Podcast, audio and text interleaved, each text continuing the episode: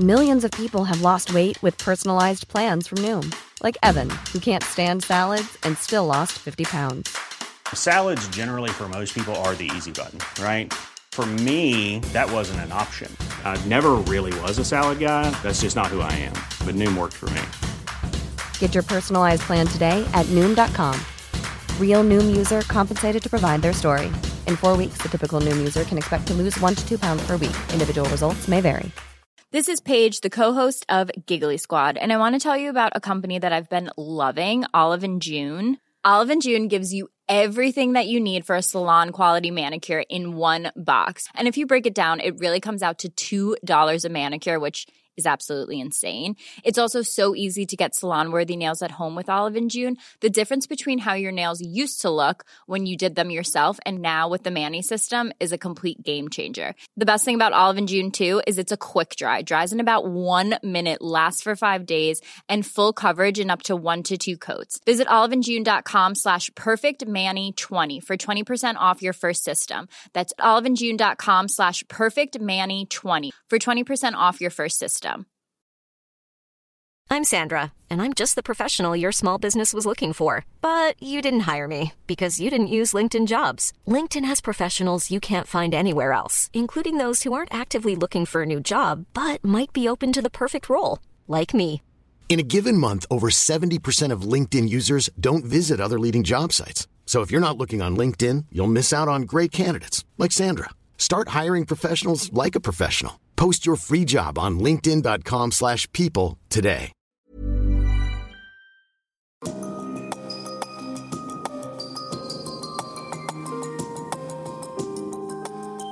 Du lytter til podkast fra Oslo Militære Samfunn. Besøk vår hjemmeside oslomildsamfunn.no, og se oss også på Facebook, Twitter og LinkedIn. Kjære alle medlemmer og venner av Oslo Militære Samfunn. Varmt velkommen til eh, nok et foredrag her fra Store festsal i Myntgata 3. Og som sist mandag så er det jeg, foredragsholderen og en tekniker som er her. Koronarestriksjonene gjør at vi enda ikke har lov til å samle dere. Uansett hvor mye vi savner dere her i Store festsal, så er det filmede foredrag vi må basere oss på en stund fremover nå. Det er andre gangen vi gjør dette. Varmt takk for gode tilbakemeldinger fra de av dere som har eh, kommentert eh, det dere så på hjemmesiden vår forrige mandag. Det varmer og motiverer for oss som eh, tilrettelegger for disse møtene. Sist mandag så hadde vi besøk av professor Espen Hammer, som hadde et interessant foredrag om status i USA i dag, og den politiske utviklingen som vi ser finne sted der. Dagens foredrag knytter eh, seg tett opp til det som var fundamentet og substansen i eh, forrige mandags foredrag. USA og utviklingen i politikken der. Vi har besøk av eh, Asiaforsker Stein Tønneson. Han var direktør for Fredsforskningsinstituttet fra 2001 til 2009. Og han var leder for Asia-fredsprogrammet fra 2011 til 2016 i Uppsala universitet. Temaet er Nord-Koreas eh, diplomati. Kan det fortsette under eh, Biden? Stein Tønneson, talestolen er din. Tusen takk for invitasjonen til å forelese i Oslo Militære Samfunn. Det er en stor ære. Og For at dere skal kunne følge min mimikk under foredraget, så skal jeg nå ta av meg dette munnbindet. Som dere ser, så er dette et munnbind av meget høy kvalitet. Det er utbrettbart og tykt, og det legger seg godt rundt nesen, sånn at du ikke får dugg på brillene. Et spedisjonsfirma i den kinesiske provinsen Liaoning, som grenser inn mot Nord-Korea, mottok i fjor en bestilling på 15 000 munnbind fra en nordkoreansk oppkjøper. De skulle være av god kvalitet, og det var ikke så nøye med prisen, ble det sagt. De skulle trolig anvendes av Nord-Koreas bedrestilte middelklasse. Den er blitt større, mer velstående og mer verdensvant siden den statsdrevne planøkonomien brøt sammen i slutten av 1990-årene. Middelklassen er avhengig av en ny, svart markedsøkonomi med tilgang på kinesiske forbruksvarer. Da covid-19-pandemien rammet Kina, eller oppsto i Kina, får vi si, i januar i fjor, ga den da 36 år gamle Kim Jong-un, som hadde overtatt som landets store leder i 2011, ordre om å stenge grensen til Kina. Grensen har nå vært stengt i over et år, og militære vaktposter har ordre om å skyte hvis de oppdager smuglere. En høy andel av handelen mellom Nord-Korea og Kina må derfor gå sjøveien.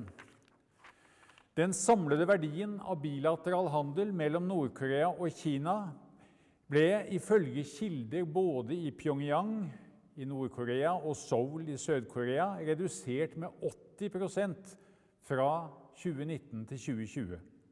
Det er dramatisk både for den fattige landsbygdbefolkningen i grenseområdene til Kina og for Nord-Koreas middelklasse. Ettersom Kina har greid å, min, eh, å min, minske spredningen av covid-19 og ikke har hatt noen vesentlige smitteutbrudd i nærheten av grensen til Korea, er den lange stengningen av grensen egentlig et mysterium. Kanskje kan den skyldes overdreven frykt for pandemien i et land der helsevesenet har små ressurser, men mer sannsynlig tror jeg faktisk det er at stengningen av grensen har helt andre årsaker. Det ser simpelthen ut til at Kim Jong-un forsøker å gjenskape en nasjonal selvbergingsøkonomi med redusert avhengighet av Kina. En krigsøkonomi som skal kunne berge hans regime gjennom en mulig konflikt med USA og Sør-Korea. Under det koreanske Arbeiderpartiets åttende partikongress i januar 2021 eh, innrømmet Kim Jong-un at hans økonomiske femårsplan hadde slått feil på nesten alle områder, men samtidig fikk han vedtatt en ny femårsplan som ikke inneholdt noen markedsøkonomiske reformer. Om de 15 000 munnbindene ble smuglet over den stengte grensen eller transportert med skip til en nordkoreansk havn, er uklart for meg. Men det jeg vet, er at de ble liggende ubrukt på et nordkoreansk lager i en måneds tid, og så ble de returnert til den kinesiske avsenderen. Hvorfor ble de avvist? Ikke fordi de var blitt smuglet, ikke fordi de var av dårlig kvalitet, men tvert imot fordi kvaliteten var for høy. Nordkoreanerne forsto at munnbind av en så høy kvalitet ikke kunne være produsert i Kina, men var produsert i Sør-Korea og importert til Kina og derfra til Nord-Korea. Og Nord-Korea vil ikke vite av sørkoreanske produkter. Sør-Koreas 68 år gamle president Moon Jae-in, som tiltrådte i 2017, forsøker iherdig å videreføre den såkalte solskinnspolitikken til de tidligere presidentene Kim Da-jung, som var president fra 1998 til 2003, og nå Mo Yun, som var president fra 2003 til 2008. Denne politikken tar sikte på å varme opp Nord-Korea gjennom kontakt og integrasjon, økonomisk, kulturelt, sportslig og politisk, slik at lederskapet i Pyongyang skal våge å reformere systemet sitt. Dette skal i sin tur bidra til en langsiktig prosess for nasjonal gjenforening i en koreansk føderasjon av to stater. Den nå 37 år gamle Kim Jong-un, som under partikongressen søndag 10.1 ble valgt til å fylle sin far Kim Jong-il og bestefar Kim Il-sungs historiske funksjon som partiets generalsekretær, har avvist all hjelp fra Sør-Korea. Det tøværet som hersket mellom de to koreanske statene i 2018 2019, er blitt avløst av en ny isfront. I juni 2020 stengte Nord-Korea et forbindelseskontor som var opprettet mellom de to koreanske statene.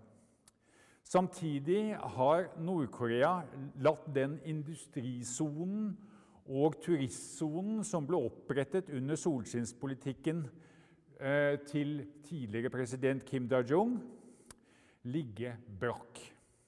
Kim Jong-un har tilsynelatende gått tilbake til en politikk som søker å hindre at den nordkoreanske befolkningen mottar nyheter og vitnesbyrd om hvor mye mer moderne og utviklet Sør-Korea er enn nord. Ikke noe sted i verden finnes det en grense med større forskjell i levekår. Men det vil ikke nordkoreanerne være ved. Jeg har vært en gang i Pyongyang og intervjuet folk, og det at de var tilbakeliggende, var ikke noe de ville på noe som helst måte innrømme. Nasjonalstoltheten er minst like sterk der som i sør. Nordkoreanerne vil ikke motta noe som vi kan kalle utviklingshjelp, iallfall ikke fra Sør-Korea. Nordkoreanerne mener de har krav på å innta sin naturlige plass som en teknologisk, økonomisk, kulturell og sportslig stormakt på verdensscenen. På flere av bildene som vi har sett fra den åttende partikongressen i forrige måned, ser man store antall delegater sitte tett sammen uten munnbind. Under militærparaden etterpå sto også tilskuerne tett i tett mens de beundret Nord-Koreas nye avanserte våpen uten munnbind. Internasjonale medier har lagt merke til og til dels latterliggjort Nord-Korea fordi at Nord-Korea påstår at de ikke har hatt et eneste covid-19-dødsfall. Jeg tror faktisk det kan være noe i at Nord-Korea er lite rammet av pandemien. Befolkningen lever langt mer isolert enn i andre land, med få flyavganger og stengte grenser. Grensen til Sør-Korea har siden Koreakrigens avslutning i 1953 vært hermetisk lukket med minefelter på begge sider av en demilitarisert sone. Under pandemien er Nord-Korea blitt, Nord blitt enda mer isolert enn før. Utenlandske forretningsfolk, diplomater og hjelpearbeidere har dratt sin vei, og kontakten med Kina er drastisk redusert. En ytterligere grunn til at Nord-Korea kan ha unngått å bli rammet av pandemien, er at landet befinner seg i den delen av verden som er minst rammet. Per 25.1.2021, etter litt over et år med covid-19, hadde de 17 landene i Øst-Asia, der ca. 30% av verdens mennesker bor, registrert bare litt over 50 000 koronarelaterte dødsfall, de fleste av dem i Filippinene og Indonesia. De 15 andre østasiatiske landene har faktisk lavere dødstall enn Norge, målt i andel av befolkningen. Altså målt i andel av befolkningen. Malaysia, Thailand, Singapore, Vietnam, Taiwan, Hongkong, Sør-Korea, Japan og aller viktigst Kina, der altså viruset oppsto, har forbløffende lave registrerte dødstall. I noen grad skyldes det nok underrapportering, men bare i en viss grad. Det hersker ingen tvil om at Øst-Asia, som siden årtusenskiftet har vært den viktigste motoren i verdensøkonomien, har sluppet mye billigere fra pandemien enn noen annen del av verden, kanskje med et unntak for store deler av Afrika. Hva dette skyldes, er ikke godt å si. Genetiske forhold, resistens bygget opp under sars og andre epidemier tidligere, vaner skapt under tidligere farsotter, som f.eks. det å bruke munnbind, høy grad av folkelig disiplin, strenge statlige tiltak. Det er vanskelig å vite hva som har vært viktigst blant slike faktorer, eller andre. Men legg merke til at det ikke bare er de autoritære statene i Øst-Asia som har sluppet lett fra pandemien. Det gjelder også de tre demokratiene Japan, Sør-Korea og Taiwan.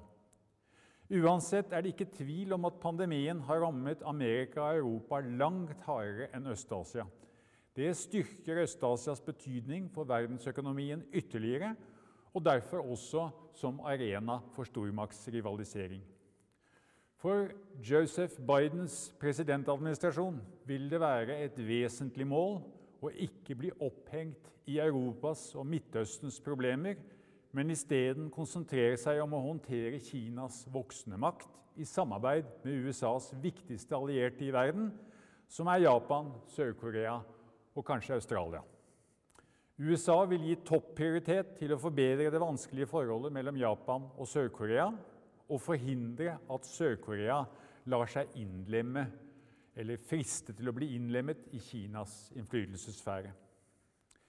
Vest for Japanhavet, mellom Sør-Korea og Kina, ligger da det isolerte Nord-Korea med sine 25, 25 millioner innbyggere. Om lag halvparten så mange som i Sør-Korea. Kombinasjonen av internasjonale sanksjoner og stengningen av grensen til Kina har rammet nordkoreanerne hardt. Kina står for over 90 av Nord-Koreas utenlandshandel, så den stengte landegrensen har hindret tilførsel av helt vesentlige forbruksvarer for folk i Nord-Korea. Mye tyder på at Kim Jong-un har brukt pandemien som en unnskyldning for å slå ned på den svarte, private markedsøkonomien, som har betydd så mye for den velstandsforbedringen som har skjedd i Nord-Korea siden hungerkatastrofen i 1994-98. Svartebørsmarkedet har i stor grad vært basert på grensehandel med Kina. Det er påfallende hvordan regimet i Pyongyang har økt sitt snakk om Juche-tanken det siste året. Den totalt mislykte selvbergingsideologien som ble lansert av Kim Il-sung i slutten av 1950-årene og kodifisert som statsbærende ideologi i 1960-årene. Vil Biden ha plass til dette fattige Nord-Korea på en utenrikspolitisk dagsorden der han har erklært at de tre sakene som står øverst, er 1. pandemien, 2. klimatrusselen og 3. Kina. Vil han ta selvstendige initiativer, slik Donald Trump gjorde i sin presidentperiode? Det finnes gode grunner til å tvile. Trump var en solospiller som stadig trosset råd fra sine militære sikkerhetspolitiske og diplomatiske rådgivere. Biden Nei, ble, han, ble Trump lei av en sentral rådgiver, så ga han bare vedkommende sparken. Trump var en ekstremt dårlig lytter. Han handlet impulsivt og på instinkt. Biden er en erfaren lagkaptein som vil lytte til sine kvalifiserte, rutinerte og kunnskapsrike rådgivere, så som utenriksminister Anthony Blinken, nasjonal sikkerhetsrådgiver Jake Sullivan og Sullivans nestkommanderende Kurt Campbell, som har ansvar for å koordinere USAs politikk i det som kalles India-stillehavsregionen, the Indo-Pacific region. Det er en ny betegnelse amerikanerne anvender til erstatning for Asia-Pacific, Stillehavs-Asia, som har dominert tidligere. Denne terminologiske endringen har flere hensikter. Én er å redusere Kinas og styrke Indias betydning. En annen er å se sammenhengen mellom Stillehavets og Indiahavets strategiske rolle for transport mellom Midtøsten og Øst-Asia. De viktigste skipsrutene går gjennom Sør-Kina og Øst-Kina-havet til de store havnebyene i Taiwan, Kina, Sør-Korea og Japan. Svært få skip går til Nord-Korea. De få som gjør det, blir nøye overvåket for å unngå brudd på de internasjonale sanksjonene. Da Joe Biden var Obamas visepresident, praktiserte USA det som ble kalt strategisk tålmodighet overfor Nord-Korea, mens Kim Jong-un utviklet og testet sine våpen.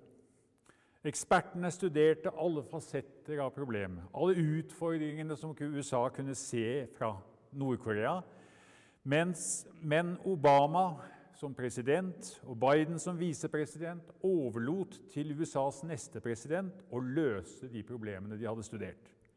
Så ble da den neste presidenten ikke slik som planlagt Hillary Clinton, men isteden en outsider ved navn Donald Trump. Ingen har vel unngått å legge merke til at Trump ga høy prioritet til Nord-Korea. Det skal jeg snart vende tilbake til. Hvis Biden istedenfor å ta Trump som eksempel, går tilbake til praksis fra Obama-administrasjonens tid med strategisk tålmodighet overfor Nord-Korea, og konsentrerer seg om å styrke USAs alliansepartnere i et forsøk på å balansere mot Kinas økonomiske makt, kan ekspertene igjen bruke tid på å fordype seg i strategiske dilemmaer. Nord-Korea er nemlig en utfordring på flere ulike måter som trekker i retning av ulike handlingsvalg. De tre utfordringene heter fattigdom, diktatur og atomvåpen. Og jeg skal nå ta dem for meg etter tur. Nord-Korea er lutfattig. Den verste hungerkatastrofen som har rammet verden siden 1970-årene, da Røde Khmer begikk sitt folkemord i Kambodsja, var i Nord-Korea mellom 1994 og 1998, med et høydepunkt i 1997. I Pyongyangs offisielle retorikk går denne katastrofen under betegnelsen 'den slitsomme marsjen'. The Arduous March på engelsk. Folket måtte tåle ofre for å redde fedrelandet. Det var ingen tegn til opprør under alle lidelsene. Kim Jong-ils makt, altså faren til Kim Jong-uns makt, ble ikke rokket. Han sto for en politikk som kalles Songun, og som går ut på at militæret skal settes først. Da Kim Jong-un tok over i 2011 etter at faren var død, endret han prioriteringen med det nye slagordet Byungjin.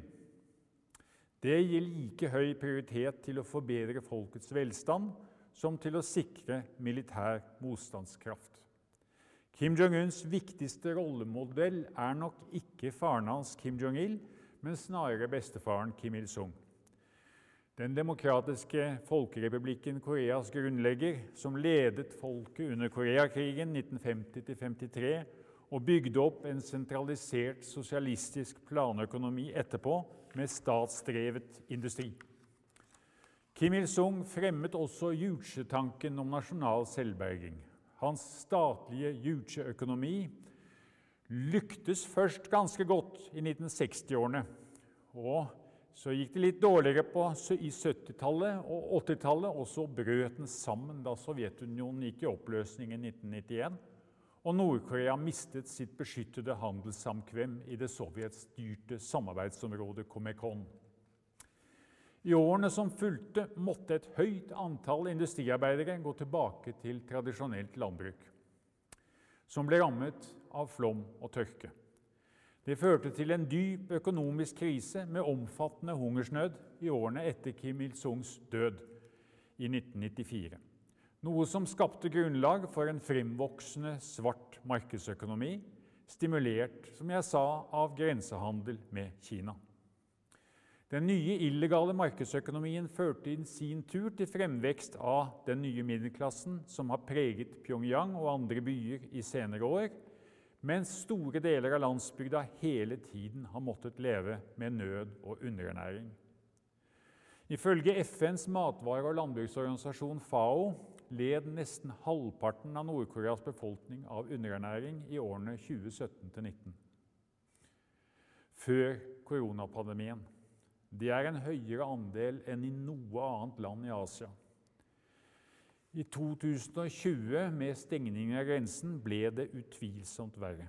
Stengningen av grensen til Kina rammer trolig befolkningen enda hardere enn det internasjonale sanksjonsregimet som FN, USA, EU og mange andre land har satt i verk med henblikk på å tvinge Nord-Korea til å oppgi sitt atomvåpenprogram. Nord-Korea er gjenstand for langt mer omfattende sanksjoner enn noe annet land. Kulleksporten rammes, oljeimporten begrenses, det samme gjelder handel med gull, smykker og andre luksusvarer. Det er til og med forbudt for FNs medlemsland å gi lønnsarbeid til nordkoreanere. Nord-Korea fikk tidligere store valutainntekter gjennom pengeoverføringer fra arbeidere i Kina, Russland og andre østeuropeiske land. Mange av makthaverne rundt Kim Jong-un rammes av internasjonale reiseforbud, og deres tilgodehavender i utenlandske banker fryses. Dette strenge sanksjonsregimet har hatt tre viktige virkninger. For det første tvinger det Nord-Korea til å øke sin bruk av lyssky midler for å skaffe seg valutainntekter. Og Bruk av illegale midler til å skaffe seg inntekter har en lang historie når det gjelder Nord-Korea. For det andre bidrar sanksjonene til en permanent krisestemning i Pyongyang, der Kim-regimet ser på seg selv som truet og forfulgt av en USA-ledet sammensvergelse, og som også til tider omfatter Kina. For Kim Jong-un stoler ikke på Kina. I hans øyne blir det desto mer viktig å satse på økonomisk selvberging, samt å kunne avskrekke angrep på republikken hans med atomvåpen. Det er trolig en ren illusjon at sanksjonene skal få ham til å oppgi de våpnene som har gjort det mulig å bli tatt alvorlig på den internasjonale politiske scenen. Det er jo fordi han har atomvåpen at man vil snakke med ham. En tredje virkning av sanksjonsregimet er at det gir vetomaktene i FNs sikkerhetsråd, særlig USA, forhandlingskort i samtaler, i mulige samtaler med Nord-Korea. Sanksjonslettelser kan tilbys til gjengjeld for begrensninger i Nord-Koreas atomprogram. Sanksjonsregimets virkninger påvirkes av at ikke alle overholder dem. Det til tross for at et ekspertpanel etablert av FN gjør en formidabel innsats med å overvåke brudd på sanksjonene. Når det gjelder den militærrelaterte delen av sanksjonsregimet, har de verste synderne ifølge panelet vært Egypt, Iran og Syria. De har bistått Nord-Koreas rakettprogram. Andre land som på ulike måter har bidratt militært, er Den demokratiske republikken Kongo, Eritrea, Myanmar, Uganda og Houthi-fraksjonen i Jemen. Vel å merke så står Kina og Russland ikke på listen over de som bryter sanksjonene på det militære området. Som vetomakter var de også med på å beslutte utvidede FN-sanksjoner i 2017, da Nord-Korea testet langdistanseraketter og sprengte noe som kan ha vært en hydrogenbombe inne i et fjell nær Kinas grense. På det sivile området er imidlertid Kina det landet som står for de fleste bruddene på sanksjonsregimet. Der er Kina selve synderen. Særlig viktig er det at Kina ikke ser ut til å holde seg til de begrensningene som er, som er satt for hvor mye olje som skal kunne eksporteres til Nord-Korea hvert år, og hvor mye kull som skal kunne importeres fra Nord-Korea. Det er nemlig ikke totalforbud, men det er en ganske streng grense som Kina altså ikke overholder. Kina er utvilsomt bekymret over Nord-Koreas økonomiske krise, som i en akutt situasjon kunne føre til enorme flyktningstrømmer inn i Kina. Det bor mange nordkoreanere allerede inne på kinesisk side av grensen. Kina ønsker å unngå at Kim Jong-uns diktatur faller sammen. Og Det fører meg over til den andre utfordringen, som er diktaturet. Nord-Korea må betegnes som verdens verste. Det forener gammeldags despoti med nasjonalstalinistisk partistyre. Et stort antall folkefiender sitter i konsentrasjonsleir, og befolkningen inndeles i tre samfunnsklasser, alt etter lojalitet til regimet. Lojale, vaklende og illojale. Bare de som tilhører den lojale klassen, får lov å bo i hovedstadsområdet eller i andre viktige byer. Undertrykkelsen i Nord-Korea er så grundig og nådeløs at det ikke finnes noen kjent opposisjon. En kommisjon nedsatt av FNs råd for menneskerettigheter leverte i 2014 en 372 siders rapport om brudd på menneskerettighetene i Nord-Korea. Den rapporten er uhyggelig lesning. Den brennemerker hele regimet og legger skylden på landets makthavere i en slik grad at rapporten knapt kan nevnes i Nord-Korea i det hele tatt, og derfor heller ikke har kunnet utnyttes som brekkstang for konkrete forbedringer. Det nordkoreanske systemet har vist sin overlevelse gjennom snart 75 år. Tvers gjennom den nest verste av alle verdens kriger siden 1945, altså Koreakrigen. Den verste av alle krigene var Vietnamkrigen. Og gjennom utallige kriser. Den som fordyper seg i Kim-dynastiets misgjerninger, vil lett føle så sterk avsky at det eneste det går an å håpe på, er en revolusjon eller utenlandsk intervensjon som frigjør det nordkoreanske folket fra dets undertrykkere. Håpet om frigjøring preger da også de organisasjonene som er skapt av flyktninger fra Nord-Korea i Sør-Korea, USA og andre land. De kaller på verdens samvittighet og ber om hardest mulige sanksjoner. Problemet er at utlandets kamp mot Nord-Korea snarere nærer enn truer diktaturet. Det skaper en slags overlevelsesparanoia i et system som er basert på religiøs dyrking av Kim-dynastiets store ledere. Der står jo statuene på rad og og hvis man besøker Nord-Korea, så må man gå frem og gi dem blomster og vise sin respekt. Det er obligatorisk. Trolig er det beste utlandet kan gjøre for å styrke sjansene for positive endringer i Nord-Korea, og isteden bidra til økonomisk utvikling. Altså legge til rette for solskinnspolitikk. Uh, utvikle felles utviklingssoner i samarbeid mellom nord og sør. Gjenåpne handelen med Kina og legge til rette for utenlandsinvesteringer.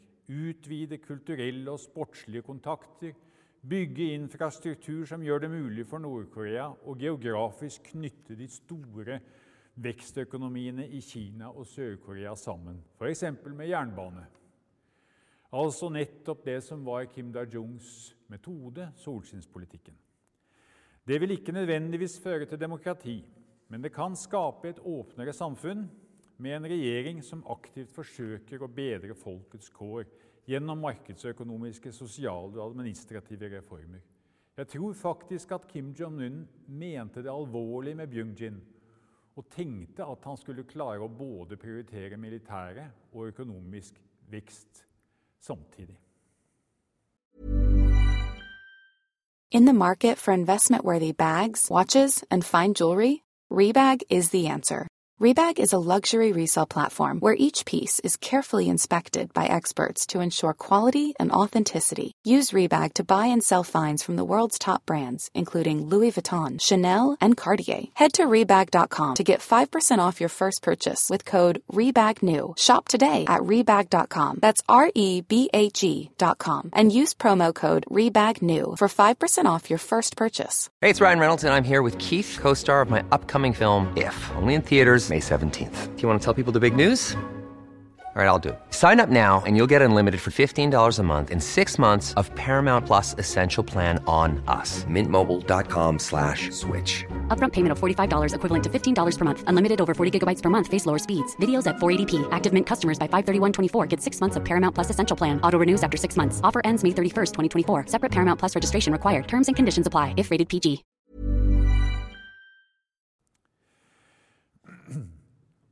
Men eh, vi har eksempler på land som, hvor velstandsvekst er blitt forent med autoritært partistyre. Og Her vil jeg nevne Kina og Vietnam. De har i de senere år egentlig fått stadig mer undertrykkende regimer. Men folk flest i Kina og Vietnam har fått del i verdens velstand og har tilgang på informasjon også i en grad som det ikke er mulig å tenke seg i Nord-Korea. Derfor er det viktig at FN, EU og USA er parat til å avvikle slike sanksjoner som rammer Nord-Koreas befolkning og sivile økonomi. Vel å merke har hensynet til befolkningen spilt en rolle allerede i utformingen av sanksjonene, for de er forsøkt innrettet slik at de ikke skal omfatte alminnelige forbruksvarer av betydning for befolkningen, og man har isteden forsøkt å få inn sanksjoner som er rettet mot enkeltpersoner i maktapparatet. Jeg ser en klar sammenheng mellom Nord-Koreas fattigdom og politiske system. Med økt velstand øker også sannsynligheten for sosiale forbedringer og færre brudd på menneskerettighetene. Og da til den tredje utfordringen, som jo USA er mest opptatt av, og det er atomvåpnene. Offisielt utgjør militærutgiftene i underkant av 16 av Nord-Koreas statsbudsjett. Det er offisielle tall. Det er jo et høyt tall allerede, det, men virkeligheten er mange ganger verre. Det amerikanske utenriksdepartementet anslo i 2019 at det reelle tallet er godt over 20% av ikke statsbudsjettet, men nasjonalproduktet. 20, over 20% av nasjonalproduktet. Det er langt mer enn i noe annet land i verden. Andelen må dessuten ha økt kraftig i 2020, da Nord-Korea utvidet sitt arsenal av atombomber og satset sterkt på å utvikle en ny type interkontinental rakett samt en rakett som kan skytes ut fra ubåter. Gjennom en folkerettsstridig storsatsing siden begynnelsen av 1990-årene har det fattige Korea, Nord-Korea skaffet seg plass som en av verdens ni atomvåpenstater. Blant de åtte andre er fem anerkjent som atomvåpenstater i Ikkespredningsavtalen av 1968, men til gjengjeld har de forpliktet seg til å avskaffe atomvåpnene gjennom avtaler seg imellom, en forpliktelse de selvsagt ikke har overholdt. Det gjelder USA, Russland, Storbritannia, Frankrike og Kina. Ytterligere tre stater skaffet seg atomvåpen før Nord-Korea. En av dem, Israel, har valgt å aldri innrømme offisielt at de har atomvåpen, mens India og Pakistan har skaffet seg atomvåpen i strid med ikkespredningsavtalen. Nord-Koreas atomvåpenprogram ble for alvor en faktor i internasjonal politikk i 1992 da det gjennom satellittovervåking oppsto mistanke om at Nord-Korea var i ferd med å produsere spaltbart materiale som kunne anvendes i en atombombe. En alvorlig krise fulgte i 1993-94, og USA forberedte seg da på militær intervensjon. Krigen ble avverget gjennom forhandlinger som førte til et avtalt rammeverk det innebar at Nord-Korea skulle oppgi sitt atomprogram mot å få bygd to lettvannsreaktorer og dessuten motta oljetilførsler. Avtaleverket brøt etter hvert sammen. Og nye kriser fulgte med stadig nye avtaler som ble brutt kort etter at de var inngått. Slik gikk det til gjennom hele perioden 2002-2008, da Kina sto som vertskap for sekspartssamtaler med Nord- og Sør-Korea, USA, Russland og Japan. Disse samtalene brøt sammen i 2008 etter at Nord-Korea hadde sprengt, gjennomført sin første prøvesprengning i 2006. Nummer to kom i 2009. Da Kim Jong-un kom til makten i 2011, satte han straks mye større fart på atomvåpenprogrammet enn faren hadde gjort. Som ny, ung leder hadde han nok behov for å vise handlekraft. Hans strategiske mål kan ha vært å skaffe seg et bedre utgangspunkt for forhandlinger med USA. I årene 2014-2017 gjennomførte Nord-Korea fire prøvesprengninger. Testingen av nye våpen nådde sitt crescendo i 2017, det første året med Donald Trump ved makten i USA. Prøvesprengningen i november det året, som kan altså ha vært en hydrogenbombe, var så kraftig at den nesten fikk fjellet til å revne der hvor den ble gjennomført inne i tunneler. I 2017 gjennomførte dessuten Nord-Korea så mye som 16 rakettester. Noen regner enda mange flere, fordi de regner med kort, kortdistanseraketter. Og nå omfattet også testene langdistanseraketter med kapasitet til å krysse Stillehavet. De fleste husker nok skjellsordkrigen mellom Donald Trump og Kim Jong-un i 2017. Trump i april. We can't let a madman with nuclear weapons let on the loose like that. Trump 8. august. North Korea best not make any more threats to the United States. They will be met with fire and fury like the world has never seen. Nord-Koreas statlige nyhetstjeneste 10. august. We cannot have a sound dialogue with a senile man who can't think rationally. Only absolute force can work on him. Trump 22. september. Kim Jong-un of North Korea, who is obviously a madman who doesn't mind starving or killing his people, will be tested like never before.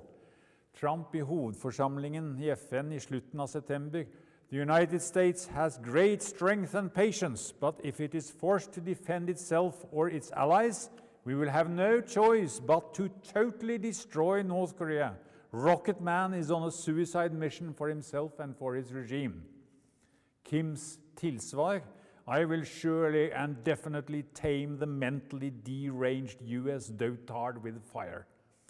Og Kim i nyttårstalen 2018 The entire United States is within range of our nuclear weapons, and the nuclear button is always on my desk. This is reality, not a threat.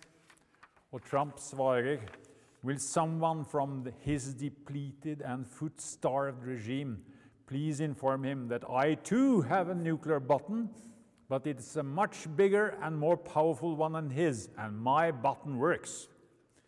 Alt dette til tross. Trump hadde alt under presidentvalgkampen sagt at han var parat til å møte Kim. Midt mens skjellsordkrigen raste, uttrykte han også en slags maskulin respekt for sin motstander, som hadde fått sin onkel henrettet og sin halvbror myrdet. Trump kalte han en smart cookie. Da de to møttes til toppmøte i Singapore den 12. juni 2018, oppsto det nærmest et kjærlighetsforhold mellom de to kamphanene, selv om de bare avga en felleserklæring og ikke kom frem til noen egentlig avtale. Trump uttalte nå plutselig om Kim Great personality, very smart, good combination. He's a worthy negotiator. He's negotiating on behalf of his people. A very worthy, very smart negotiator, absolutely. And we had a terrific day, and we learned a lot about each other and about our countries. Begge de to lederne ble tydelig skuffet da det ikke lyktes dem å komme til enighet under deres neste toppmøte i Hanoi i Vietnam den 27.-28. februar 2019. De opprettholdt likevel kontakten, brevvekslet med hverandre og møttes igjen til et nytt symboltungt tredje, men resultatløst møte i den demilitariserte sonen mellom Nord- og Sør-Korea den 30. juni 2019. Den som hele tida formidlet kontakten mellom Kim og Trump og la til rette for at de kunne møtes, var Sør-Koreas president Moon Jae-in. Han inviterte Nord-Korea til å delta i vinter-OL i 2018. Først takket Nord-Korea nei. Men Kim Jong-un skiftet mening etter sin omfattende testing av atombomber og raketter og holdt en forsonlig nyttårstale i 2018, selv om han også truet USA. Og nå takket han ja til Sør-Koreas invitasjon. Det beretter grunnen for et første møte mellom Kim Jong-un og Moon Jae-in i den sørkoreanske sektoren av den demilitariserte sonen den 27. april 2018, altså før det første møtet med Trump. Moon informerte deretter Trump om at Kim var parat til å møte også ham. Trump fulgte aktivt opp, men ble aldri fortrolig med Moon og unngikk systematisk å dele ære med den sørkoreanske lederen for det som den sørkoreanske lederen egentlig hadde tatt initiativ til. For Trump var det like urimelig at USA skulle betale for Sør-Koreas sikkerhet som det var å skulle betale for Nato. Han behandlet Sør-Korea nedlatende og krevde at Sør-Korea skulle betale alle kostnadene ved å holde 28 000 amerikanske soldater i Sør-Korea. Kjærlighetsforholdet mellom Trump og Kim er beskrevet i to spennende bøker fra 2020. Jeg tenker på sikker, nasjonale sikkerhetsrådgiver John Boltons bok 'The Room Where It Happened' og Bob, Woodwards eh, enda mer lesverdige 'Rage'. Det som forbløffer mest i Boltons bok, det er hvordan Trump tok avgjørelser stikk i strid med det nærmest alle hans rådgivere ønsket. Det gjelder særlig da han avblåste den årlige militærøvelsen sammen med Sør-Korea.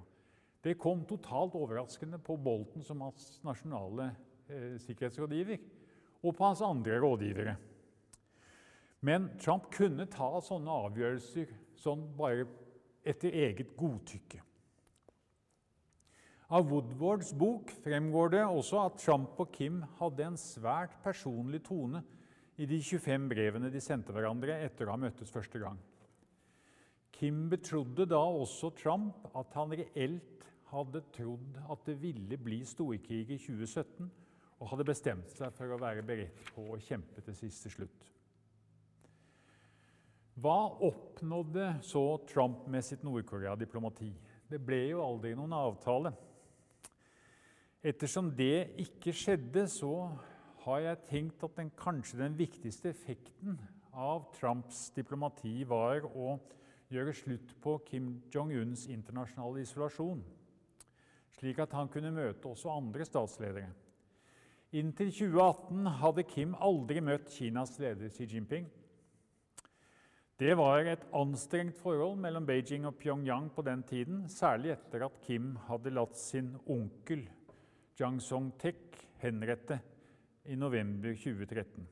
Den mektige onkelen som mange av oss trodde ville komme til å dominere Kim Jong-un i den første delen av hans periode som leder, var også Beijings viktigste forbundsfelle i Nord-Korea. Fra Kim Jong-un kom til makten, tok det sju år før han fikk møte Xi Jinping. Og Kina var med å vedta de strenge sanksjonene mot Nord-Korea i FNs sikkerhetsråd. Kort etter Kims forsonlige nyttårstale i 2018 mottok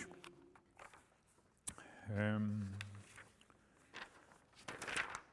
han imidlertid en invitasjon til Beijing, og i mars fikk han møte Xi Jinping og andre kinesiske ledere. Det var kort før hans første møte med Moon Jae-in. Etter å ha truffet Trump i Singapore reiste Kim på nytt til Beijing for å avlegge rapport til Xi Jinping. Senere fikk Kim besøk av Xi Jinping i Pyongyang. Og Xi gratulerte ham også hjertelig med å ha valget til generalsekretær for Koreas Arbeiderparti på den 8. partikongressen nå i januar. Slik har Kim Jong-un fått sin velsignelse fra det vi kan kalle keiseren av Midtens rike. Det må ikke få oss til å tro det må likevel ikke få oss til å tro at Kim nå har tillit til Kina og finner seg til rette med et økonomisk og politisk avhengighetsforhold. Stengningen av grensen til Kina i januar 2020 er et uttrykk for det. Et annet resultat av Trumps personlige diplomati, et positivt resultat får vi si, var at det var, har vært en lang pause i Nord-Koreas testing av kjernevåpen og raketter. Siden 2018 har det ikke vært noen prøvesprengning. I 2018 ble heller ikke testet noen raketter, men i mai 2019, etter at toppmøtet i Hanoi hadde mislykkes, gjenopptok Nord-Korea testingen av kortdistanseraketter og skjøt senere også opp en mellomdistanserakett, angivelig fra en ubåt.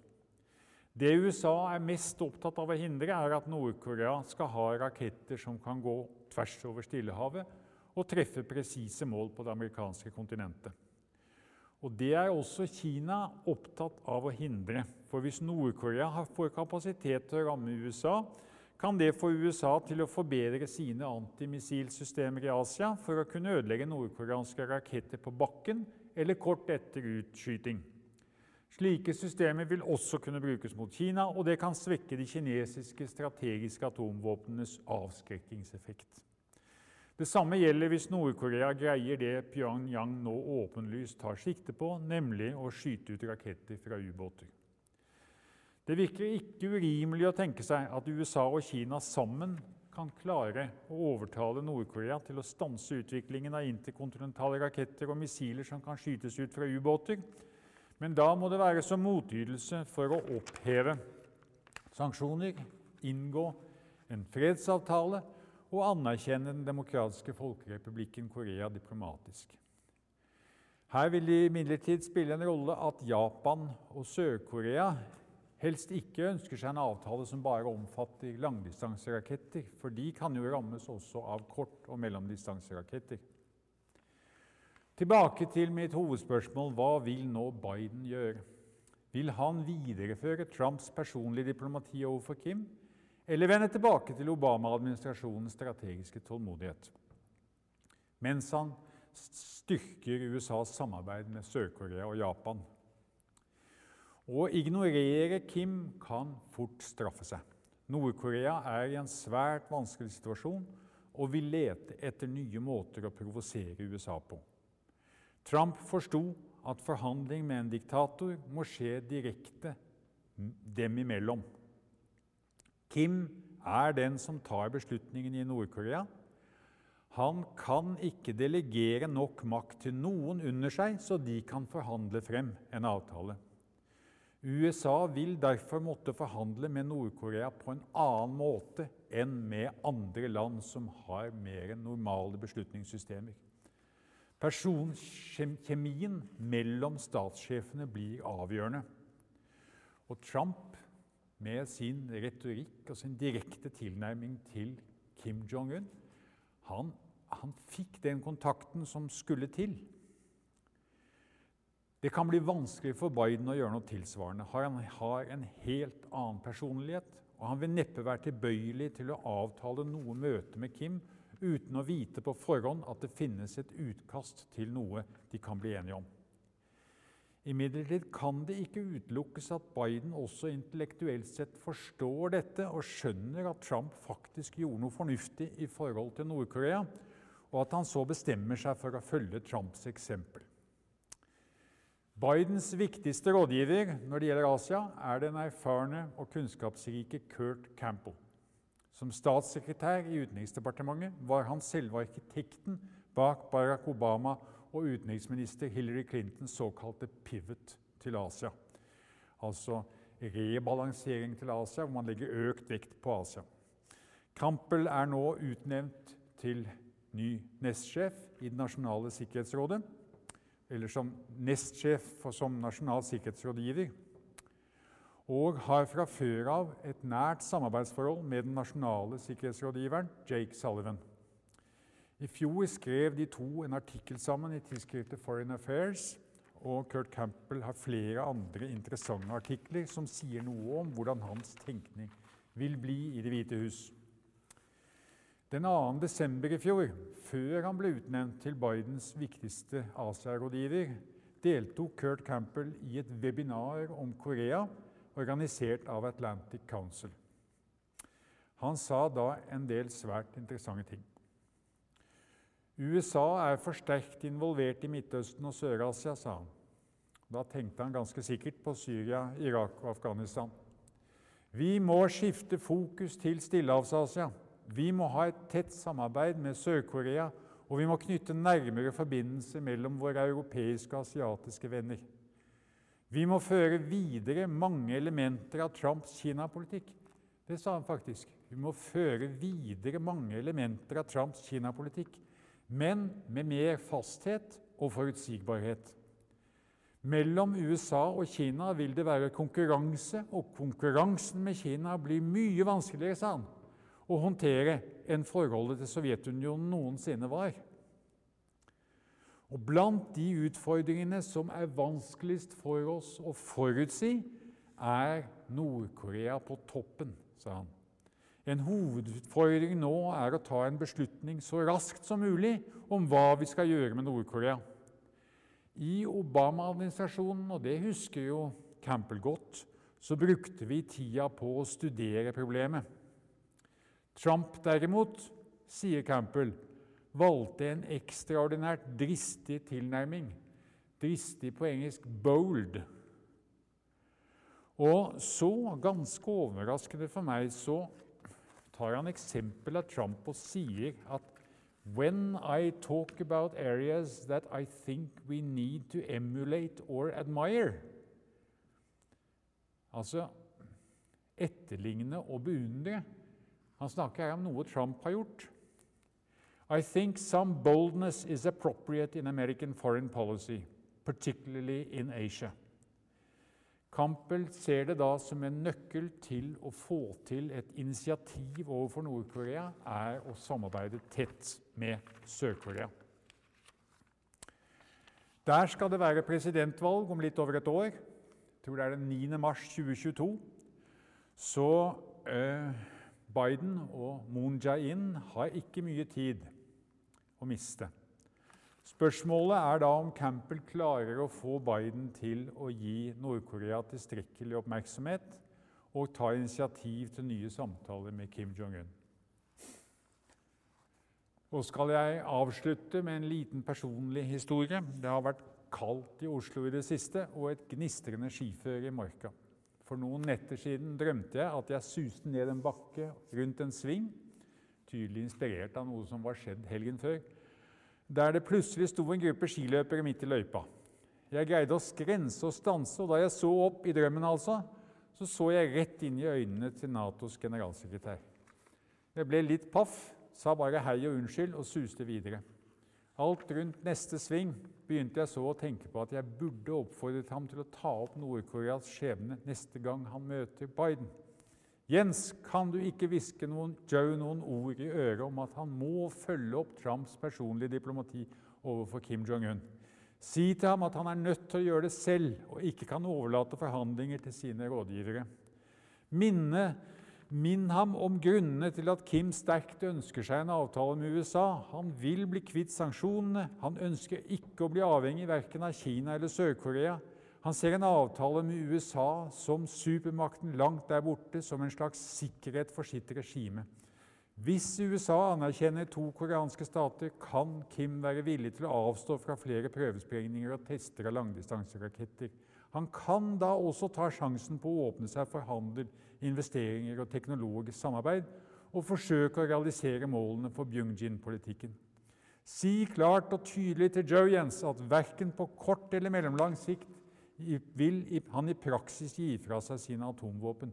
Han kan forplikte seg på lang sikt til å skape et atomfritt Korea som en sånn slags prinsipperklæring. Det har han allerede gjort. Men så lenge han kjenner behov for å avskrekke angrep på republikken sin, vil han tviholde på de våpnene som gjør at han blir tatt på alvor i dagens verden. Hvis Kim får en avtale med Biden, kan det nordkoreanske folk se en lysere fremtid i møte, og det blir mindre risiko for konflikt på den koreanske halvøya. Kanskje kan da Sør-Korea investere i en nordkoreansk fabrikk som produserer verdens beste munnbind, eller til og med vaksiner. Takk.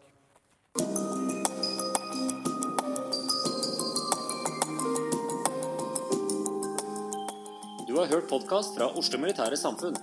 Besøk vår hjemmeside oslomildsamfunn.no, og besøk oss gjerne på sosiale medier som Facebook, Twitter og LinkedIn.